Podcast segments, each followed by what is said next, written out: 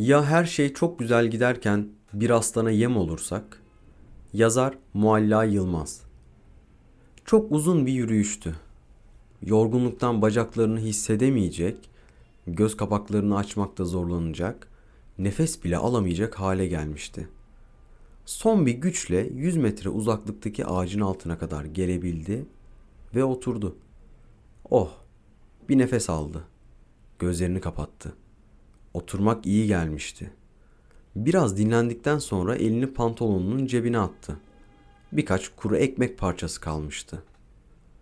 Bu yorgunluğun üstüne de bir de aç kaldık anlaşılan diye geçirdi içinden. Keşke dedi. Keşke sıcacık bir tavuk budu olsaydı cebimde. Bu kuru ekmekler yerine. Öyle derinden istemiş olacak ki kuru ekmekleri almak için elini cebine attı. Eli ısındı bir anda. Bir şey vardı cebinde. Kavradı, çıkardı. Sıcacık bir but. Çok sevindi. Çok sevindi ama ah dedi. Bilseydim, olacağını bilseydim bir masa dolusu yiyecek isterdim. Bir anda bir masa belirdi. Üstüne beyaz bir örtü serildi. Yiyeceklerle doldu masa. Şaşkınlık içinde çikolata şelalesi dedi. Hop çikolata şelalesi belirdi masada. Muz dedi, muz geldi. Jambon dedi, jambon. Et, balık, tavuk, içecekler. Ne istediyse geldi. Masada yer kalmamıştı. Şaşkınlık içinde hepsinden birer ikişer attı ağzını hızlıca. Doydu tıka basa. Karnı davul gibi olmuştu. Oh dedi. Ama birden bu kadar rahatlamışken bu taşın toprağın üstünde rahatsız bir şekilde mi yatacağım? Rahat bir yatak olsaydı keşke diye geçirdi aklından. Bir yatak belirdi. Kuş tüyü yastıklar, yün yorgan ve ipek çarşafla yumuşak mı yumuşak, rahat mı rahat. Zıpladı yatağın üstüne. Serildi boylu boyunca. Sonra birden hızlıca doğruldu yatakta. Ama ya, yalnız mı yatacağım burada? Yanımda bütün bunları benimle paylaşacak biri olsaydı. Hemen eşi geldi yanına. Artık şaşkınlıktan ne diyeceğini bilmiyordu. Yok artık dedi. Bu kadar da fazla.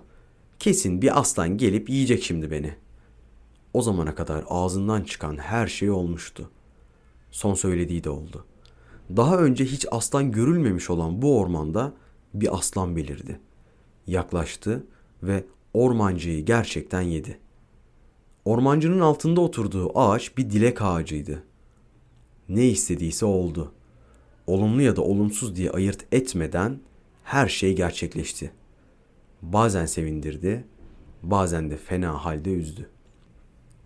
Şah Düşme ihtimali çok yüksek olan bir alanda bir de üstüne kendince akrobasi hareketleri yapmaya çalışan oğlunuza kızınıza ne dersiniz? Büyük oranda yapma düşersin dersiniz. Ben de öyle demiştim bir park gezisinde. Yanımda oturan beyaz saçlı, tatlı mı tatlı, yaşlı bir teyze bana dönerek düşersin değil, düşme de kızım, çağırma kötü şeyleri dediğinde çok idrak edememiştim ne demek istediğini. İkisi de aynı şeydi.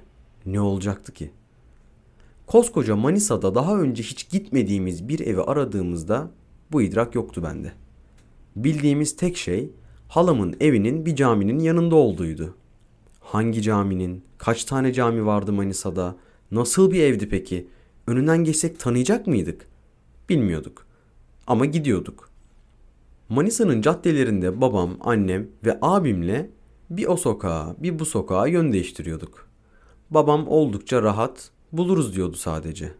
Annem çıldırmış. Yahu nasıl bulacağız? Bir arayıp sorsana şeklinde söyleniyordu kendince. Ve ormancının yaşadığı olaydan çok da aşağı olmayan bir gariplik yaşadık hep birlikte. Bir anda halamın eşi çıktı karşımıza. Manisa sokaklarında aynı anda aynı yerde eniştemle karşılaşma ihtimalimiz milyonda bilmem kaçken o ihtimal gerçek olmuştu. Çünkü babam sürekli buluruz diyordu. Ormancı bir masal, evet. Ama benim yaşadıklarım gerçek. Babamla deneyimlediğimiz sadece içlerinden küçük bir örnek. Bir cuma akşamı geç kaldığınız tiyatro salonuna yetişmeye çalışırken arabayı park etmeye de yer olmaz şimdi yerine. Arabayı salona yakın bir yere park eder, rahatça yetişiriz demeyi deneyin. Bakalım neler olacak. Yetişmeyecek değil, yetişecek. Düşersin değil, düşmediğin. Gerçekten inanarak söyleyin. Bakalım neler değişecek. Şans geldiğinde kapıyı açmak için orada bulunmak gerek. Picasso'nun çok sevdiğim bir sözü var. İlham herkese gelir, yeter ki geldiğinde sizi çalışırken bulsun. Ben de bunu biraz değiştirerek diyorum ki, şans dediğimiz şey herkese gelir. Yeter ki geldiğinde kapıda bekleyen, ona kapıyı açacak birini bulsun. Manisa'da eniştemle karşılaşmamız şanstı ama babam buluruz diye etrafını dört gözle incelemeseydi eniştemi görmeyecekti. Şans, şanslı olduğuna inanmaktır. Yani şans dediğimiz olumlu düşüncelerle verdiğimiz emeğin hayat aynasından bize geri yansımasından başka bir şey değil aslında. Kesinlikle bitmeyeceğine inandığınız bir yola başlamazsanız, kesinlikle kazanamayacağınıza inandığınız bir sınava girmez, kabul alamayacağınıza tam olarak inandığınız bir işe başvurmazsanız, bu da eğer kapınıza uğrayacak bir şansınız varsa onu reddetmek anlamına gelir. Bu nedenle olumlu düşünmek, buna inanmak ve bu inançla emek vermek, inançsız verilen emeğe ya da hiç gösterilmeyen çabaya göre başarıyı daha mümkün kılacaktır elbette. Bu iyimser bakış açısıyla hayatımızı %100 değil ama oldukça büyük oranda değiştirebileceğimizde yapılan araştırmalar sonucunda ortaya çıkmış.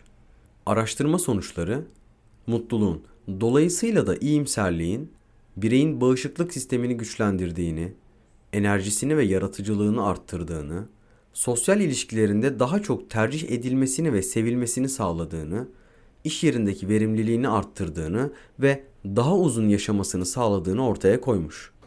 Bütün bunlar aslında şaşırtıcı değil. Çünkü birey bir hedef doğrultusunda attığı adamların başarıya ulaşacağına inandığı ölçüde motive olur ve karşılaştığı engelleri bu motivasyonla aşar. Yani olumlu düşünce motivasyonu ve performansı arttırır. Yüksek motivasyon da sorunlarımızı çözme konusundaki eğilimimizi arttırır.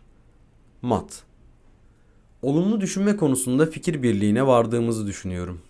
Şimdi ise sırada iyimser düşüncelerimizi cebimize koyup motivasyon aracında sorunlarımızın çözümü için harekete geçmek. Belki de yeni bir teknik deneyimleyerek oyunlaştırmaya giriş yapmak var. Yapabileceğimize olan inancımız tam. Motivasyonumuz yüksek. Bir de işlerimizi kolaylaştırmak için kullanacağımız oyunlaştırma teknikleri olsa hayatımızda ne kadar değişirdi kim bilir. Neden bize verilmiş olan hayatı olabilecek en güzel şekilde yaşamayalım ki? Neden iyimserlikle şah dediğimiz oyunu oyunlaştırmayla mat etmeyelim ki? Masaldaki ormancı bir aslan gelip yemesin şimdi bizi deseydi çok şey değişirdi. Sadece küçük bir kelime oyunu ile hayatı kurtulabilirdi. Her zaman dilek ağacının altında olmamız beklenemez tabi. Ama ne zaman orada olacağımızı da bilemeyiz. Birkaç kelime değişikliği yeterken o riske girmeye değer mi? Ya o anda o ağacın altındaysak? Ya bu fırsatı kaçırırsak? Ya her şey çok güzel giderken bir anda aslana yem olursak?''